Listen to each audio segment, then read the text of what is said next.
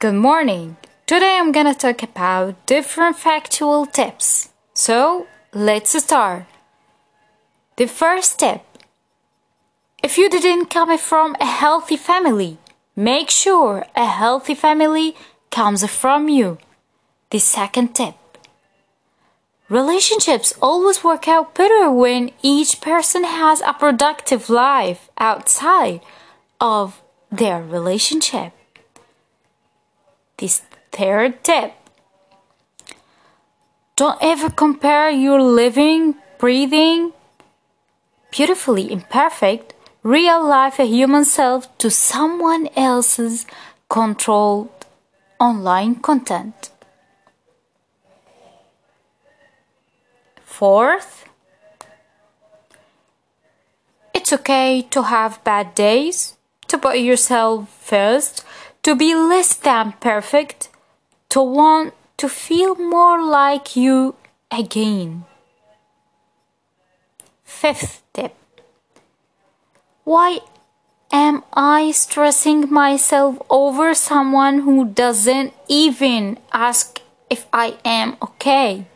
So, leave them. The sixth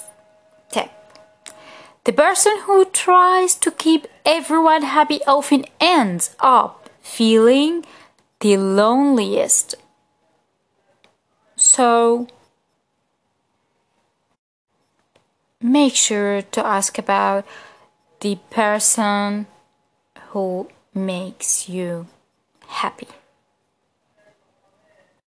The seventh tip all relationships have one law Never make the one you love feel alone, especially when you are there. Yeah? So appreciate the one you love.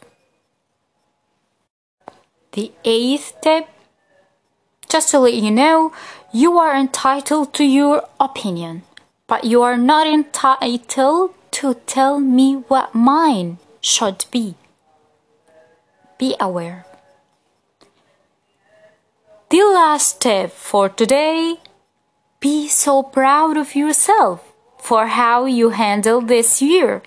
I don't know about you, but I fought so many silent battles. I had to humble myself, wipe my own tears, and pat myself on the back. If you did this or the same, be proud of you. Thank you for listening. See you.